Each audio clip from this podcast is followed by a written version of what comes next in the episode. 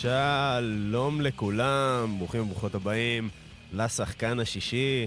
כאן uh, אנחנו מקליטים באולפן הרדיו של uh, ערוץ הספורט. Uh, הפודקאסט מופיע באפליקציית ספורט 5 רדיו. פודקאסט השחקן השישי, פודקאסט על הפסיכולוגיה של הספורט, או כמו שגופר ואני קראנו לזה במקור, מדברים על ספורט, פסיכולוגיה וספורט.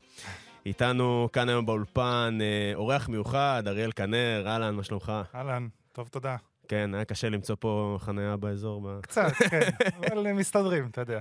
כן, כן, האמת שבאופן יחסי אין הרבה פקקים, היה דווקא להגיע היה נוח, אבל כן, חניה זה... היה פה גם, גם לי אישו בבוקר. אה, טוב, אז אנחנו, אה, אריאל, אני אציג אותך ככה בכללי, ואז תספר קצת. אתה אה, פסיכולוג מתחום הפסיכולוגיה של הספורט, אה, קולגה שלי ב, אה, בשטח, אתה פוגר התואר השני בפסיכולוגיה של הספורט במכלל המינהל. ומנהל קהילת uh, שובר שוויון בפייסבוק. אה, מודה באשמה, כן. כן. ספר קצת על מה אתה עושה. Uh, בעיקרון, אני עובד בעיקר uh, בשוק הפרטי, uh, לאו דווקא עם ספורט. כן. Uh, יצא לי לעבוד uh, בתחומים כמו מוזיקה, uh, שחמט, uh, דברים uh, די מגוונים. Uh, וגם uh, תוכן, כמו שהזכרת, קהילת uh, שובר שוויון בפייסבוק. אה, בהחלט אה, קהילה צומחת, אה, ובאמת אני מנהל שם את... ביד רמה, מה שנקרא, כותב בעיקר, הרבה תכנים, דברים מעניינים שקשורים לפסיכולוגיית ספורט, ביצועים. מעניין, מעניין. כן, אז קודם כל מאוד מאוד מומלץ, אני כל פעם קולט שם... כל פעם קופץ לי בפיד איזה משהו מעניין שהעלית, זה קהילת שובר שוויון, אה, מוזמנים להסתכל. אה, כשהכנו את הפרק, קודם כל נגעת בשחקני שח וכו', אז אנחנו באמת, אה, כשהקלטנו את הפודקאסט במקור, אחד הפרקים שעשינו היה על performance psychology. הפודקאסט התחיל בעצם ברדיו הבינתחומי, נראה לי שהם קוראים להם עכשיו כל האוניברסיטה, הם עשו rebranding. כן. אז אפשר למצוא שם את השחקן השישי בספוטיפיי וב Apple Podcast. אמ, דיברנו על performance psychology, זה תחום בפני עצמו. היום, אנחנו, כשהכנו את הפרק, אה, העלית נושא שפתאום קפץ, אמרתי, וואלה, שווה לדבר עליו. אז באמת, אה, אנחנו נדבר היום על אולימפיאדת החורף, היבטים פסיכולוגיים, אולימפיאדת החורף משודרת כאן. אה, בערוץ הספורט, ספורט 5, live, שידורים ישירים. עכשיו ראיתי, אני לא רוצה לעשות ספוילר של איזה נושא אנחנו הולכים לדבר עליו באולימפיאדה, אבל את אחד, ה, אחד המקצים, אה, מעניין, מגניב. אה, רגע לפני שנצלול לאולימפיאדת החורף, נראה לי, היו כמה אירועים ממש מגניבים בימים האחרונים ששווה לדבר עליהם. לגמרי. אז אני אתחיל, סבבה. יאללה, נו. דיברנו על זה גם מקודם, הפועל תל אביב ניצחה את מכבי תל אביב אתמול בגמר הגביע, 80-90. במשחק שלפחות מהמחצית השנייה נראה חד צדדי.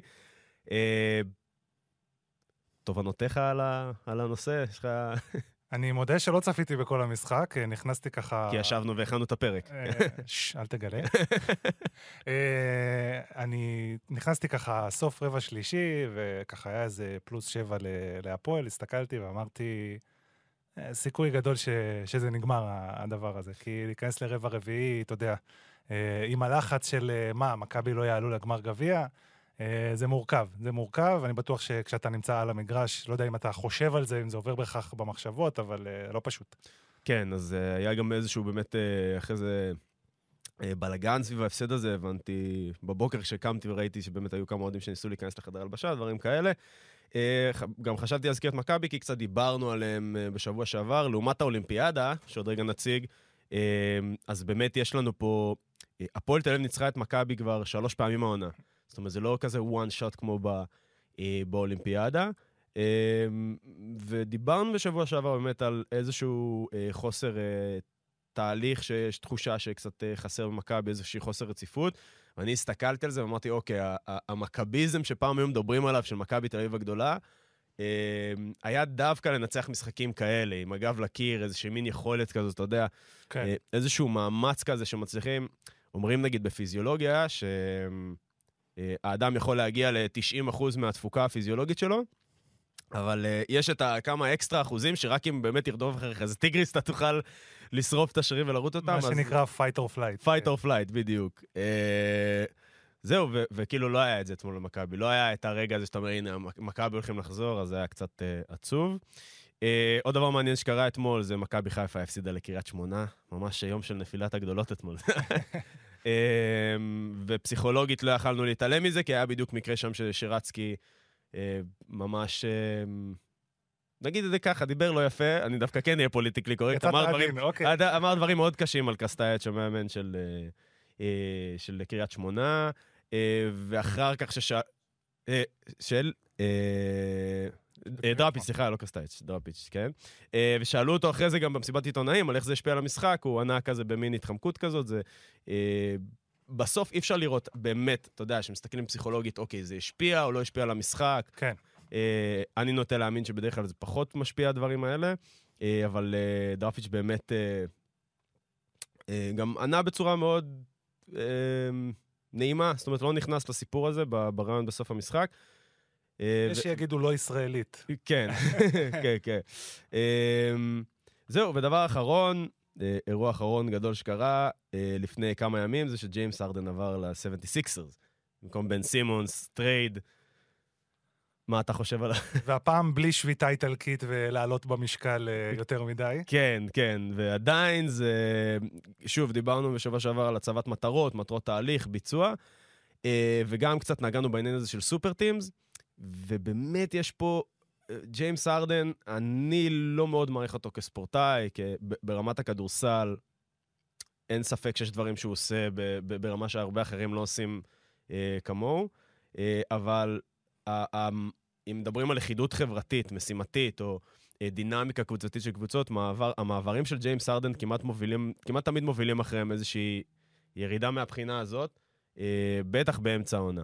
אה, אז מעניין לראות איך זה יהיה, גם בן סימונס שעובר במקומו, אה, זה trade שהוא מאוד מאוד מעניין לראות מה יהיה איתו. אה, הייתה לו נפילה מאוד משמעותית ב- בחצי הגמר, אה, בגמר שנה שעברה, חצי גמר, בג- בגמר של, אה, בגמר המזרח. כן. אה, נגד מילווקי. אה, הוא הגיע, אני לא אשכח את זה, הוא היה בא לקלוע לאפ, ופשוט מסר את הכדור אחורה, ואתה, אתה יודע, אין, אין הרבה דרכים לפרש את זה חוץ מלחץ. אה, אז בואו נראה באמת איך זה הולך אה, להסתדר לשתי הקבוצות האלה. אה, יהיה מעניין, זה בטוח. כן, יהיה מעניין. תמיד. כן, זה יהיה מעניין. Uh, זהו, אחרי סקירה קצרה ודברים שלא יכולנו להתעלם מהקיום שלהם, אנחנו... בואו נדבר קצת על אולימפיאדת החורף בסין. נושא חם. נושא חם, נושא חם או קר, כי זו. אולימפיאדת חורף בכל זאת. אה, כן, אז אה, למעשה, אז אנחנו מדברים על אולימפיאדת החורף, אה, שוב משודרת כאן בערוץ הספורט, היא המקבילה למשחקי הקיץ האולימפיים. עכשיו, אני לא ידעתי את זה שבאמת פעם המשחקים האלה היו משוחקים באמת באותה, אם הייתה נבחרת עיר, אז המשחקים היו משוחקים באותה עיר גם בחורף, וגם גם בקיץ ואז בחורף, באותה שנה. ואם העיר לא היה בחורף, לא היה שלג או לא היה להם את האמצעים לארח את, ה, כן. את, ה, את הטורניר הזה, אז למעשה אה, איזו עיר אחרת הייתה לוקחת את זה במקומה. אה, אז באמת האולימפיאדה נערכת כל ארבע שנים, אה, ומשנת 94 היא נערכת כשנתיים אחרי האולימפיאדה המקורית, עכשיו זה יוצא שנה אחרי שנה, כי. טוקיו 2020 שוחקה בעצם ב-2021. אה, מה אתה הכי אוהב באולימפיאדת חורף, או מה אתה הכי שם לב אליו בדרך כלל? אז זהו, אני מודה שאולימפיאדת חורף זה נושא...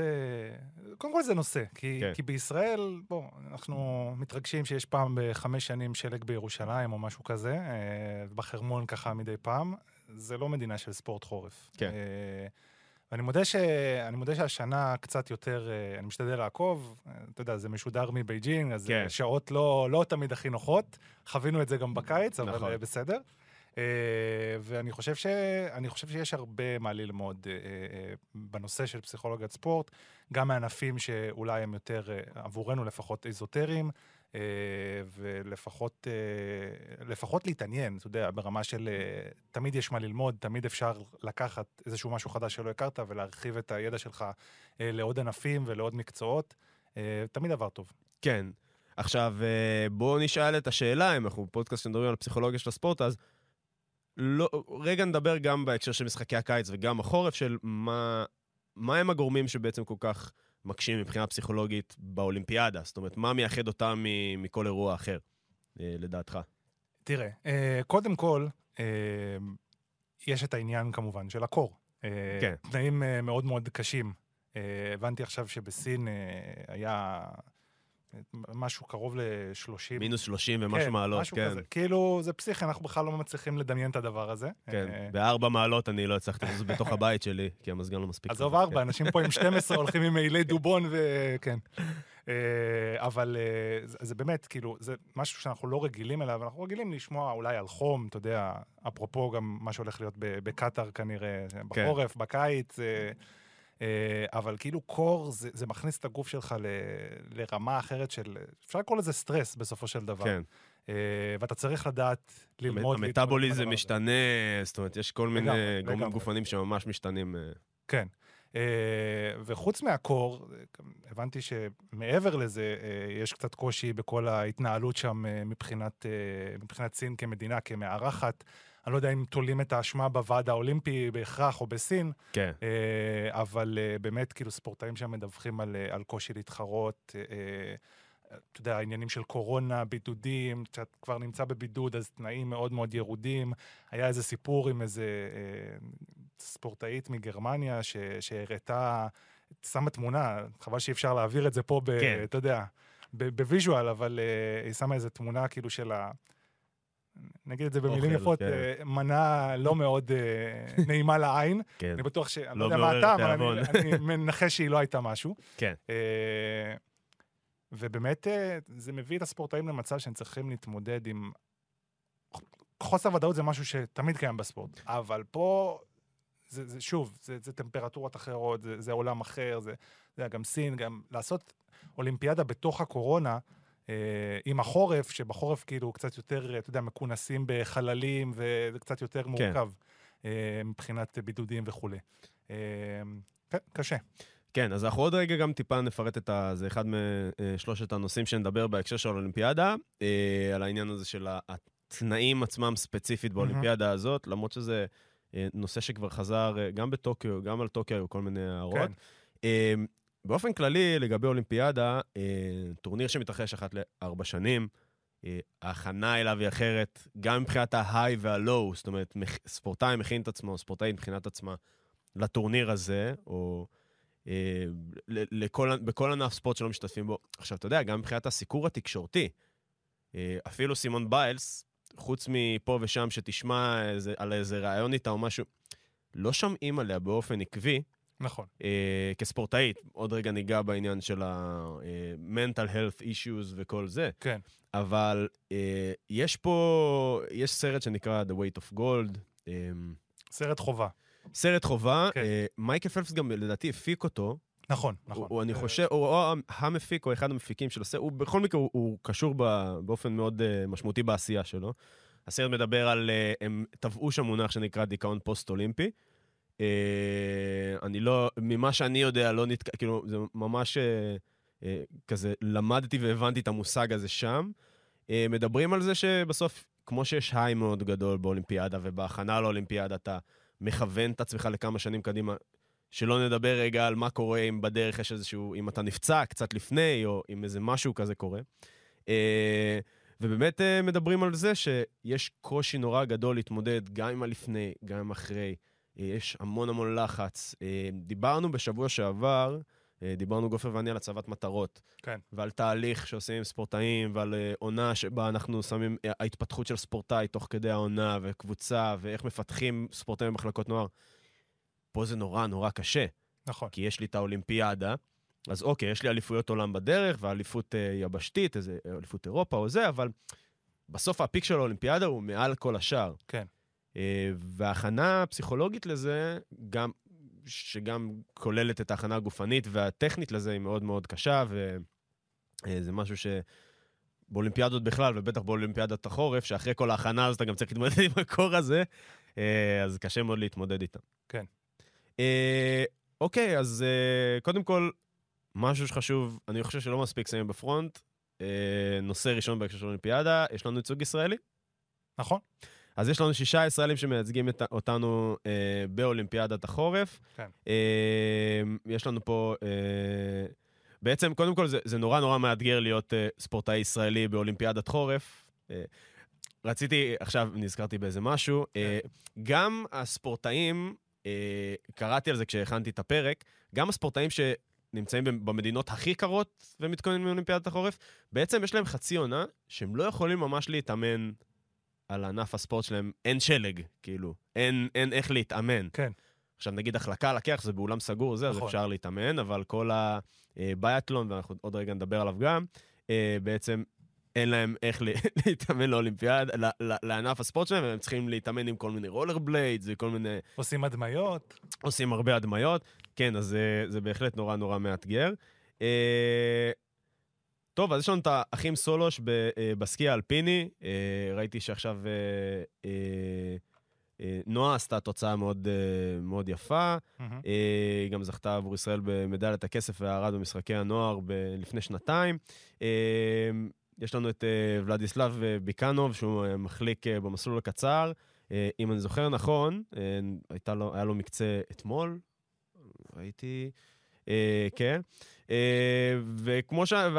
ואנחנו בסוף מדברים על נציגות די קטנה למדינה שאין בה כל כך שלג וקור. או חורף בכלל.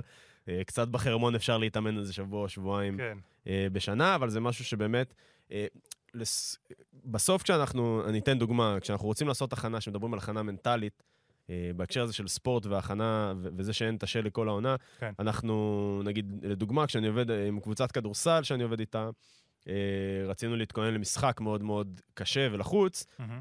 אז אנחנו רוצים לדמות כמה שיותר את האימון למשחק עצמו. מדברים גם ב- בהקשר של אה, השתנקות תחת לחץ, choking under pressure, על זה זהו, ש... השתנקות זה... אני, כן, זה התרגום, אין, אין, כן. אני אומר לספורטאי, כאילו, אמרתי להם, כש, כש, כשאני מעביר את התוכן הזה של choking under pressure, אני אומר להם, אוקיי, אנחנו נדבר על choking, כאילו, to choke ולא בהשתנקות, כן. כי זה לא בדיוק היחנקות, אז זה כאילו השתנקות כן, כן. תחת לחץ, זה לא נשמע טוב. אמ, אז אנחנו עושים אימונים שיהיו כמה שיותר דומים בעצם לביצוע עצמו. ככה אתה מצמצם את הפער בהכנה המנטלית אה, בין הגריעה החושית והתפיסה וכולי, אה, לבין התחרות עצמה. ופה יש, פ... יש קושי נורא גדול. אם אני מתאמן על רולר בליידס במקום על מחליקים חצי עונה, אז uh, זה יוצר הרבה מאוד אתגרים, בטח בהכנה לא, לאולימפיאדה עצמה. Uh, מה דעתך על זה? תשמע, כמו שאתה אומר, אה, ההכנה היא לא מיטבית, אה, כי בעצם אתה מגיע למצב שאתה לא יכול להתאמן חלק מהזמן אה, על מה שאתה צריך להתאמן, ואז הביצוע יורד. כן. עובדתית, אין, אין מה לעשות. כן. אני מאמין שיש פתרונות כאלה ואחרים. אני, לך תדע, אולי אה, בעתיד כל הנושא של ה-VR, אה, AR, כל הדברים כן. האלה יאפשרו לספורטאים לחוש כמו, אולי יוסיפו איזה באמת, כמו שאתה אומר, גריעה חושית, אולי קצת קור, אולי להכניס אה, כן. אה, אלמנטים כאלה. אה, בוא נגיד, לא סתם, לא סתם יש לנו משלחת קטנה, כי... כן, כי קשה, שוב, בסוף ברגע שאין את היכולת להתאמן על זה, אה, אחד, אה, אני תמיד אוהב להגביל את זה שספורטאים, צריך להתייחס אליהם כמו אל עובדים במקום עבודה. אז מדברים על זה שנגיד אחד התנאים היותר אה, חשובים וחיוביים לעובד, זה העניין של הקומיוט, של הדרך לעבודה וכמה היא רחוקה. עכשיו, אם ישראלי שחי את חייו בישראל, אה, רוצה להשתתף באולימפיאדת החורף במקצה שקשור לסקי, נגיד הביאטלון, או כל הסקי אלפיני וכולי, זה כנראה יצריך ממנו לטוס הרבה מאוד למחנות אימונים בחו"ל. אני לא בדקתי בדיוק איך, נראה, איך נראית או שגרת האימונים. בחו"ל, או לגור, או לגור בחו"ל, ואז זה אומר שאתה צריך להתנתק מהארץ כדי לעסוק בספורט שבו אתה עוסק. אה, וזה דבר שהוא נורא נורא קשה. בסוף אנחנו, אה, לספורטאים אנחנו רוצים שתהיה להם, שהם יטמעו ב- בשטח שבו הם אה, נמצאים ובמקום שבו הם עוסקים בספורט, ושזה יהיה חלק מהשגרה שלהם. אה, ויש קושי נורא גדול גם אצל שחקנים, אה, ספורטאים, ספורטאיות, לא רק אולימפיים, שעוברים לחו"ל, כל העניין של השגרה, איך נכנסים אה, מבחינה תרבותית, איך אנחנו מתאקלמים כן. בסביבה. אה, אז בטח לספורטאי ישראלי שצריך למצוא איך ואיפה להתאמן אה, על ענף ספורט אה, עם שלג, כשבמדינה שאין שלג, אז כן. אה, זה אתגר מאוד מאוד גדול. אה, אוקיי, אז מהמשלחת הישראלית, בואו נדבר על, אה, נגעת בזה קצת מקודם, על אה, הכנה מנטלית ל, לתחרויות באופן כללי, כן. אה, ועל התחרויות בתנאים קשים, ואיך אתה רואה שזה משפיע על, ה, אה, על ההכנה של הספורטאים בעצם. אה, אני חושב שהדוגמה הכי טובה לזה, דווקא לא, מה, לא מספורט החורף, אם ניקח ככה, אתה יודע, שנתיים שנתיים, כמעט שנתיים אחורה, כשהתחילה הקורונה, היה את כל הצמצומים של קהלים, ואז בעצם נוצר עולם חדש, שבו ספורטאים צריכים להתחרות אה, בלי קהל. ללא קהל, כן.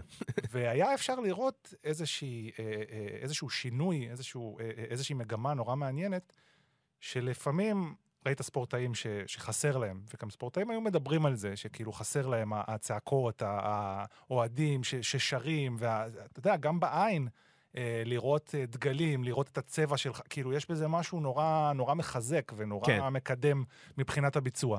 אה, ופתאום אין את זה. מצד שני, היו ספורטאים שהיו צריכים את השקט הזה. פתאום אתה שומע את השחקנים, את האחרים, את החברים שלך לקבוצה. כן. או פתאום כל הלחץ של, שמקללים אותך, או אתה יודע, ספורטאים, נקרא לזה מגזעים שונים, שחווים קללות כן. גזעניות. פתאום אין את זה, ופתאום אה, בשביל אחד זה, אה, אה, זה מקדם, ובשביל האחר זה מעכב. ואז כן. בעצם נוצר פה איזשהו תהליך מאוד מאוד מעניין מבחינה, מבחינה מנטלית. אני חושב שנגענו בזה בהקשר של משחקי החורף, שבאמת הקושי הכי גדול זה, זה המזג אוויר. סתם, אתן לך דוגמה, ראיתי בשבת האחרונה, צפיתי בערוץ באחד מהתחרויות, היה איזשהו קטע שפתאום היה מין, אני לא יודע אם זה שלג או ערפל, משהו שמקשה לך על הריהוט.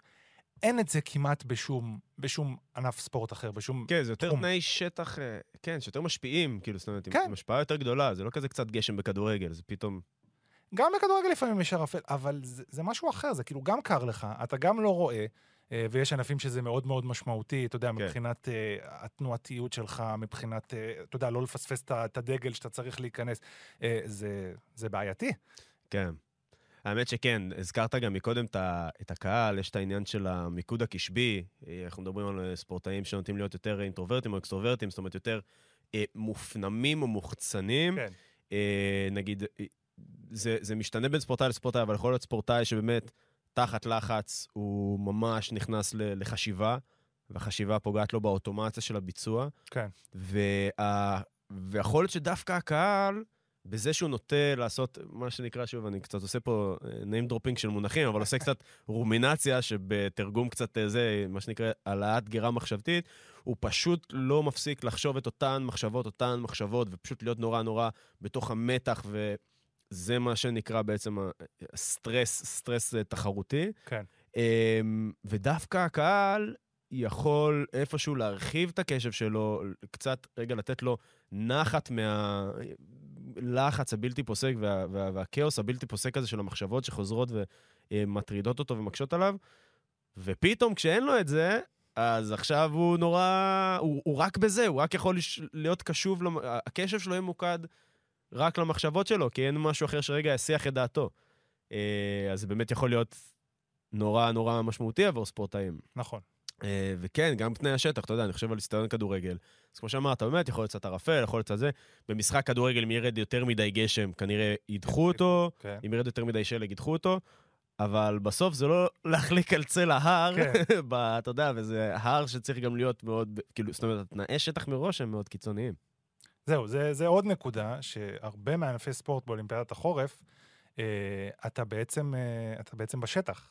אתה לא באיזה איצטדיון מפואר, אתה יודע, עם אה, מסלול, אה, כמו שהיו אומרים פעם, רקורטן משובח, כן. אה, שאתה רץ ויש לך את הנעליים אחרי. לא, אתה...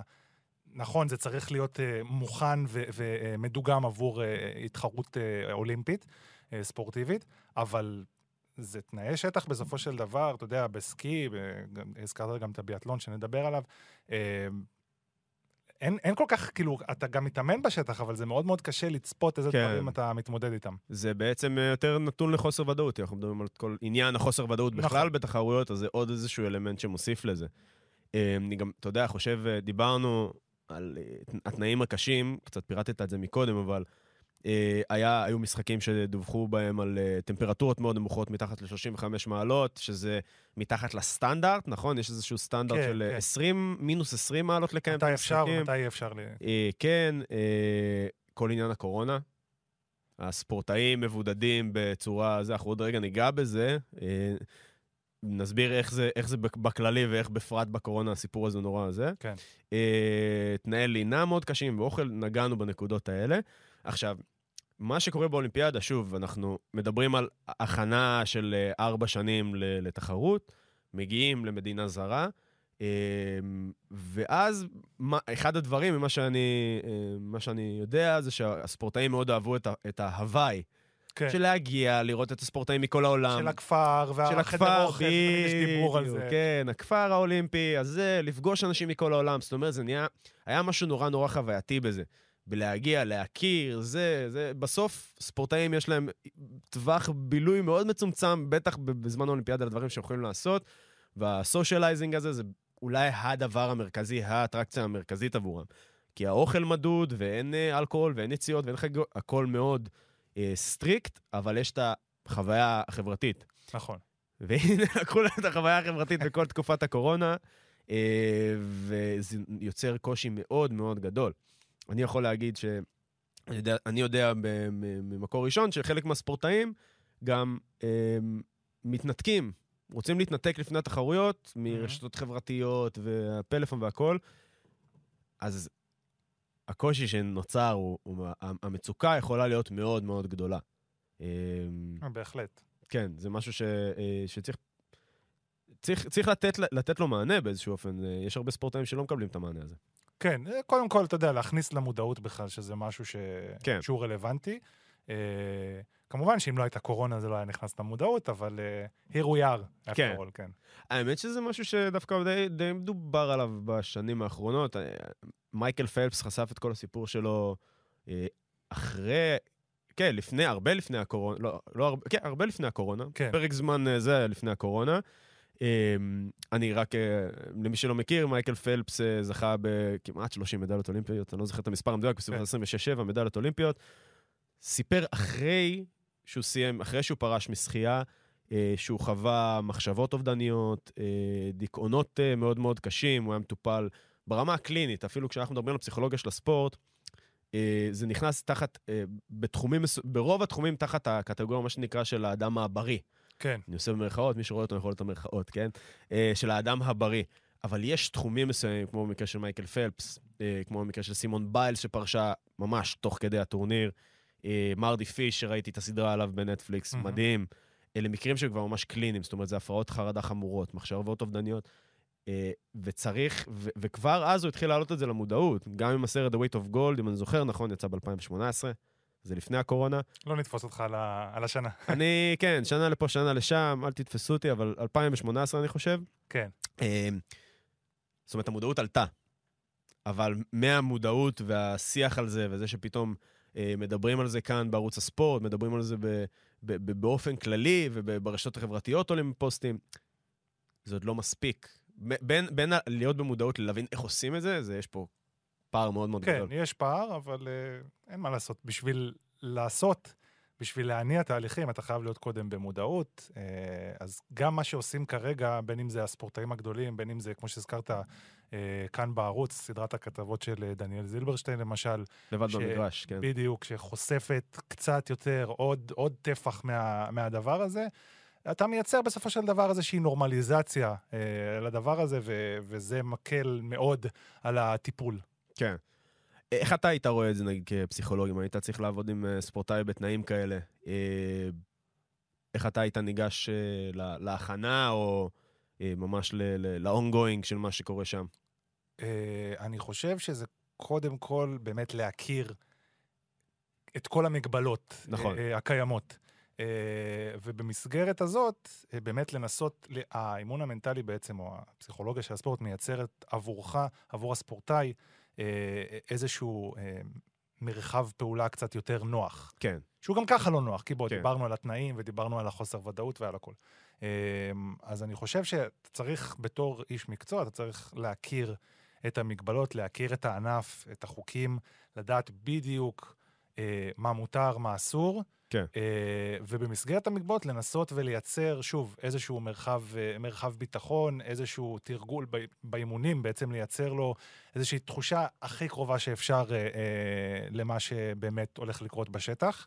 אה, זה, זה המקום, אתה, אתה כאילו, אתה האיש שאמור לתת בעצם את המענה הזה, מעבר למאמן כמובן כן. ולכל המעטפת המקצועית, אבל בתחום שלך להבין בדיוק איפה הנקודות האופציונליות ל, ל, לשבירה או ל, ל, למכשול, אה, ולתת לזה את המענה מוקדם. נכון, אני חושב שגם באמת בהקשר של ספורטאים אולימפיים, אמ, שוב, ספורטאי שעובדים איתו לאורך העונה בקבוצה, נוצר איזה קשר יותר, אה, יש הרבה יותר נקודות שבהן אה, עליות ונפילות קטנות, ו... זאת אומרת, זה, זה משהו יותר תהליכי. כן. פה צריך באמת לאפשר לספורטאים מישהו, ל, ל, לחבר אותם למישהו לדבר איתו. כמובן, אני, אני, כל תהליך ההכנה, ואנחנו, אני עוד אגיד את זה הרבה, ואנחנו כן. אמרנו את זה גם בפרקים הקודמים, אה, פסיכולוגיה של הספורט, ופסיכולוגיה בכלל, היא לא עניין של זפטה וגמרנו. זבנג וגבר, וגמרנו. מונח ישן, זבנג וגמרנו. זה לא משהו שמתחיל ונגמר עכשיו, זה כן. uh, ספורטאי שחווה מצוקה. Uh, יש פה איזשהו באמת uh, טיפול של ER כזה שצריך לעשות, וצריך לספק לו מישהו לדבר איתו והכל, אבל בסוף גם צריך לעשות תהליכים כדי למנוע את זה. ונתת פה דוגמה יפה, העניין של ההכנה המנטלית, uh, כמו שאני אמרתי מקודם עם הקבוצת כדורסל. לספק לו כמה שיותר את התנאים האלה, אפילו ללכת לישון במלון שיהיה דומה לתנאים האלה. אה, בסוף זה עניין של אדפטציה, של אה, השתלבות והתאמה. אה, הגוף שלנו צריך בעצם לדעת לקלוט ולאבד גירויים. ככל שהספורטאי יהיה יותר מוכן והגוף שלו יהיה יותר מוכן לתנאים האלה, ככה, עכשיו, אני לא אומר שצריך להאכיל את הספורטאים במנה הדלוחה והנוראית הזאת. אני משתדל שלא, כן. כן, עם הפסטה בלי רוטב וזה, אבל כן אולי טיפה לעשות איזשהו משחק עם, עם העניין, אפילו קצת של האוכל, אולי קצת שינה, אה, לישון בחדר קטן. ככל שנהיה יותר קרובים בהכנה שלנו לביצוע עצמו, ככה אה, לספורטאי, ספורטאית יהיה יותר קל אה, פשוט להשתלב ולהיות יותר נינוחים. עוד, אני עוד מדבר עוד לפני התחרות, מדבר עוד בשלב ההכנות שם, כל ה... כן. ברגע שהמשלחת יוצאת. אה, ויש גם דגש מאוד מאוד חשוב, כי כשספורטאי, ספורטאית עובדים עם מאמן, מאמנת, אז יש הרבה פעמים דברים שלא נעים להגיד למאמן או למאמנת. נכון. אה, בעניין הקבוצתי הרבה פעמים זה, מה, אז הוא לא ייתן לי דקות, הוא לא יכניס אותי לזה, או לא, יש, יש יחסים שיכולים להיות הרבה פעמים אה, מאוד מקצועיים, זה לא טוב או רע, אבל היחסים מאוד מקצועיים, והעניין הרגשי שם, אה, הוא לא, גם לספורטאים יותר קשה להעביר את זה למאמנים, וגם למאמנים לפעמים קשה לתת לזה יחס. אז, ואז זה יכול לבוא בצורה של כאילו, אה, הכל טוב, תגבר על זה, אתה... ו... אין להם את, ה, את האקסטרה בשביל... אה, כן. יש מאמנים שיש להם, צריך כן, יש זה. מאמנים שיש להם. יש להם את, ה, את הבינה הזאת. כן, uh, וגם... לתמוך ולדעת מה, מה להגיד בזמן הנכון, ולפעמים זה גם נוצר תוך כדי, אתה יודע, מאמנים שמלווים ספורטאים במשך uh, כמה שנים טובות, מעל עשור. uh, אז, אז... הם גם מכירים אותם הכי טוב. נכון, באמת. נכון. אבל יכול להיות שיש משהו שיהיה לספורטאי לא נעים לעלות בפני המאמן. Uh, בסוף אנחנו גם כפסיכולוגים יודעים שהיכולת לשבת ו... לעשות איזשהו תהליך פסיכולוגי הוא עניין שלוקח המון זמן. נכון. לי לקח המון זמן לצבור ביטחון עם זה, אה, ואני עדיין לומד כל יום מחדש. כי, כי, כי זה לא שיח רגיל, יש דברים שצריך לשים לב אליהם, יש אה, מחקרים בתחום שאתה צריך לדעת, רגע להבין מה הכיוון הכללי בתחומים מסוימים, הרבה פעמים יש כל מיני הטיות חשיבה מסוימות כן. שאנחנו כן. כאנשים רואים את, אותם, וצריך להכיר אותם, כי דוגמה כמו הטיית האישוש, הטיה שאני מאוד אוהב. אה, שאנשים נוטים אה, להשתמש במידע שרלוונטי לדעה שלהם כדי לאשש אותה. כן. אה, וכולי, אז כן, צריך לתת איזשהו גורם שהוא ניטרלי, שהוא בקיא ומוסמך בתחום הפסיכולוגיה, שידע לתת מענה לספורטאים האלה, שידע לדבר איתו ולהגיד לו עכשיו, קשה לי. אני סובל, קשה לי, אני במצוקה. ספורט, הייתה ספורטאית מחליקה על הקרח, פולניה, שאובחנה בטעות, ממה שאני הבנתי מהכתבה, mm-hmm. כחיובית לקורונה, שמו אותה באיזשהו הסגר, אה, פספסה את התחרות, אם אני זוכר נכון. תשמע, זה, זה, זה יכול, יכול להביא למצוקה נפשית. זה, זה יכול לרסק, מה זה מצוקה נפשית? כן, אני אומר פה בעדינות, יכול להיות, כן. ש... יכול להיות שלא, רוב הסיכויים שכן. כן. היא גם מעידה על זה שכן, אה, וצריך איזשהו גורם מוסמך שידע לתת לזה מענה. אה, זה לא רק יהיה בסדר, שנה הבאה, לא, המצוקה הרגשית שהיא חווה כרגע, מבחינתה, יכול להיות כאילו סוף העולם מגיע. אה, ובאמת צריך, אה, מעבר למודעות, אמרנו עכשיו גם באמת צריכה להגיע הפרקטיקה בשטח. כן.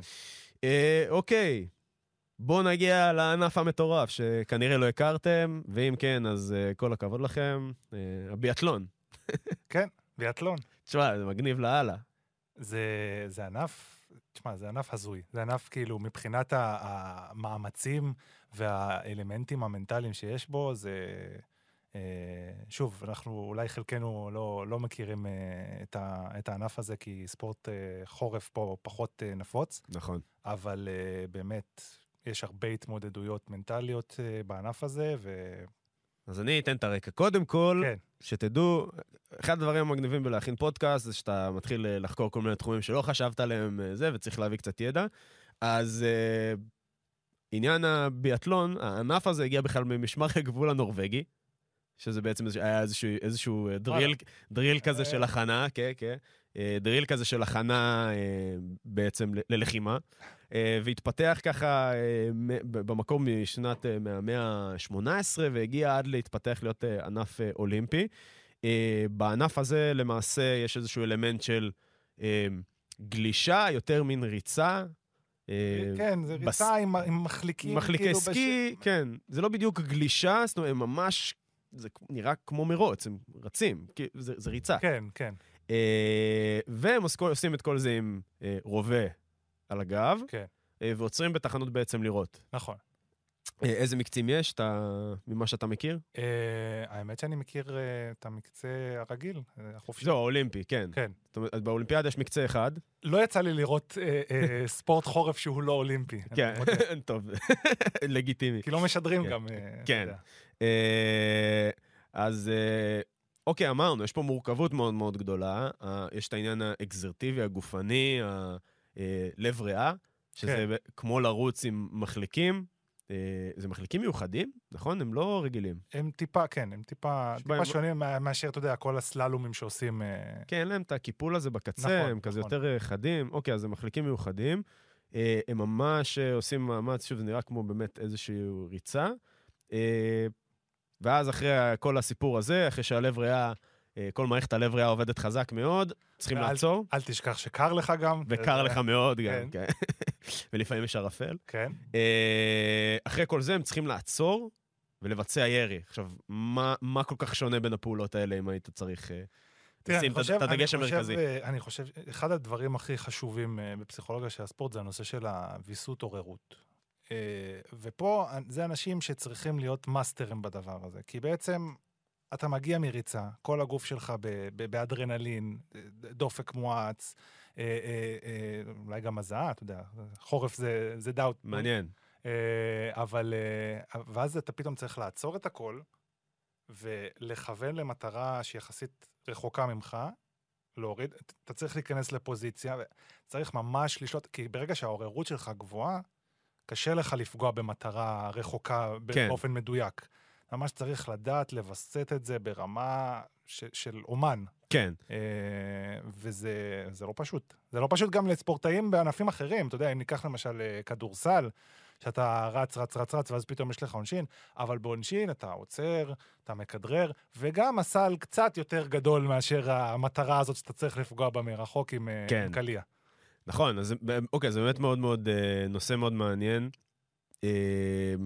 יש את המונח אה, quiet eye, העין השקטה, אז קשה לה מאוד להיות שקטה כן, אה, כשהדופק עולה. בדיוק. אה, יש ב- בתחום אה, מיקוד הקשב בפסיכולוגיה של הספורט, אז קודם כל נתחיל בהסבר קצר על ויסות עוררות. ויסות כן. עוררות, אה, כשאנחנו מדברים על עוררות, זה עוררות גופנית אה, בלבד, לא מדברים עוד על לחץ או עניינים פסיכולוגיים. נכון.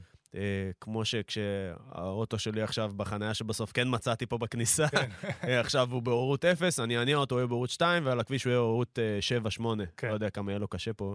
אה, אבל כן, אנחנו מדברים על זה גם מבחינה גופנית. אז אם עכשיו אנחנו עושים פעולה שהיא פעולה יותר מאומצת, כמו ריצה, אז העוררות עולה. נכון. אה, ואז אנחנו, ואז הביאטלניסטים, ביאטלוניסט. ביאטלוניסטים, הביאטלוניסטים נדרשים לעצור הכל ולהצליח לעשות פעולה מוטורית פשוטה, מה שנקרא אה, אה, ספורט סגור, פעולה כן, סגורה, פעולה סגורה, כן. שהם צריכים לבצע ירי מדויק למטרה, אז אה, זה גם, אתה יודע, זו מוטוריקה שהיא הרבה יותר אה, עדינה. כן, מאשר אה, לקחת את, ה, את המחליקים האלה ולרוץ איתם, אה, אתה יודע, עם כל המשתמע מכך. כן, זו פעולה שאמורה להיות מאוד מאוד מדויקת. נכון. אה, ממה שאני הבנתי, יש ממש עניין כזה של החטאת. עכשיו, אם הם מחטיאים, יש להם את ה... אה, הם צריכים לעשות 150 מטר סיבוב. כן. הם, צ- זה כמו, זה כאילו לא, פאנישמנט. אני חושב שזה גם מת- מתווסף להם זמן.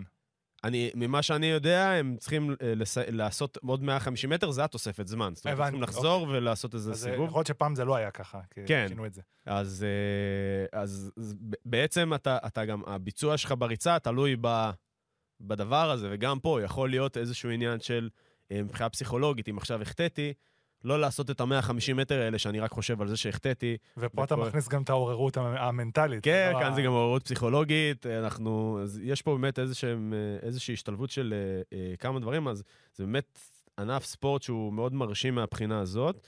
אה, אז אתה צריך לשלוט בשתי סקילס, זאת אומרת, אתה צריך להיות גם מאוד חזק פיזית כן. מבחינת הסיבולת, נכון.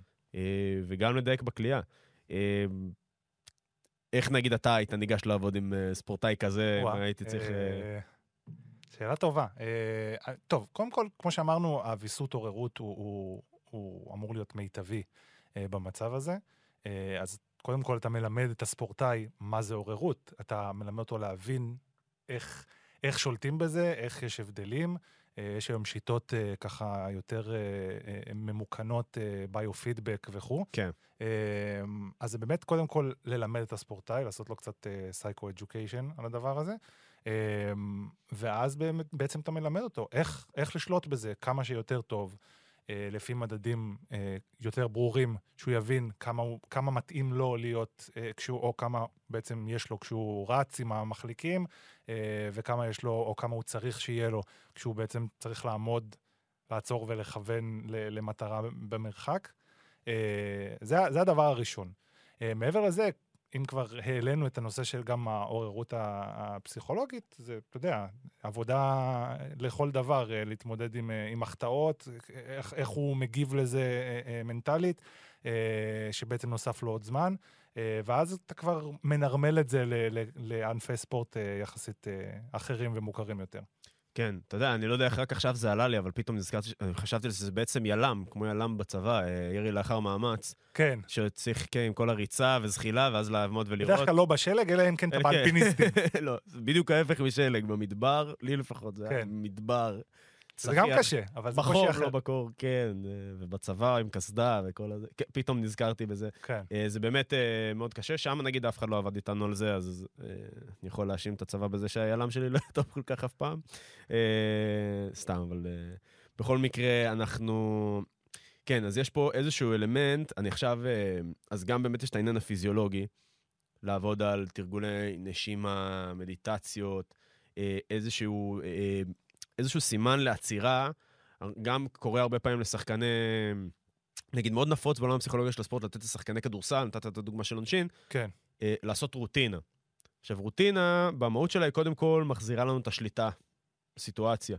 יש סדר פעולות מסוים שאני יודע שאני הולך לעשות אותו, אני עושה אותו ואני יודע מה זה עושה לי לגוף.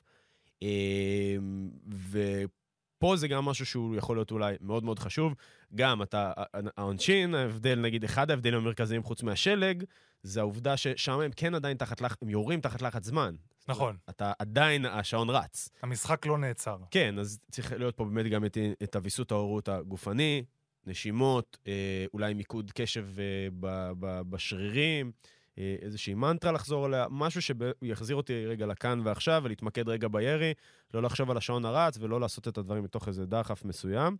אה, וברמה הפסיכולוגית, עכשיו ממש, כמו שראית מקודם, סיפרתי לך, קיבלתי פה איזה מין, אה, משהו שהוא בין מגזין לספר של קן רביזה, שהוא היה, נפטר לאחרונה, אחד הפסיכולוגים של הספורט המוכרים בתחום, אה, בעיקר בעולם הבייסבול, והוא דימה פה אה, ממש ברפרוף כזה, עכשיו, ממש עכשיו אספתי את הספר, ויש שם ממש איזה ציור שהוא מדמה אה, חובט אה, בבייסבול, אה, והוא אומר שכאילו אם עכשיו אתה אה, מחטיא את החבטה ואתה עדיין חושב על זה וסוחב אותה איתך, ויש ממש ציור של כאילו יש לך עוד שלוש פעמים את עצמך על הגב כזה. כאילו אם תעשה את זה שלוש כן. פעמים ועדיין תחשוב על זה, זה כמו לסחוב את עצמך על הגב, זה קצת כמו משל הנזירים והנהר, שעוזרים לנהר כן, לחצות. כן. אמ, ובסוף צריך לדעת איך, עכשיו, גם אם הייתה איזושהי נפילה, איך לא לגרום לה להמשיך לפגוע בביצוע שלי בהמשך. נכון. ולא לסחוב את זה איתי במרכאות, אה, במהלך הביצוע עצמו. פה כבר נכנס יותר באמת עניין של ויסות רגשי. כמו שאתם רואים, באמת, ענף אה, ספורט מאוד מאוד מורכב לעבודה. אמ, זהו, נראה לי... זהו, מה? רק התחלנו. רק התחלנו. כן, אז אה, אריאל, תודה רבה. היה מאוד מאוד מעניין. תודה. אה, היה מגניב לסקר את, אה, ככה, את אה, אולימפיאדת החורף. אני מודה שאני גיליתי עוד ועוד דברים שלא ידעתי, וזה נחמד מאוד. שוב, מי שרוצה, רוצה לראות את אולימפיאדת החורף, זה כאן. בערוץ הספורט בשידורים ישירים. עוד מקליטים היום, יש לנו פה פרק נוסף של Speak and Roll. ויאללה, ת, תשבו לראות ביאטלון, זה מגניב. אריאל, שוב תודה. תודה, תודה לערוץ הספורט, ונתראה שבוע הבא. צ'או.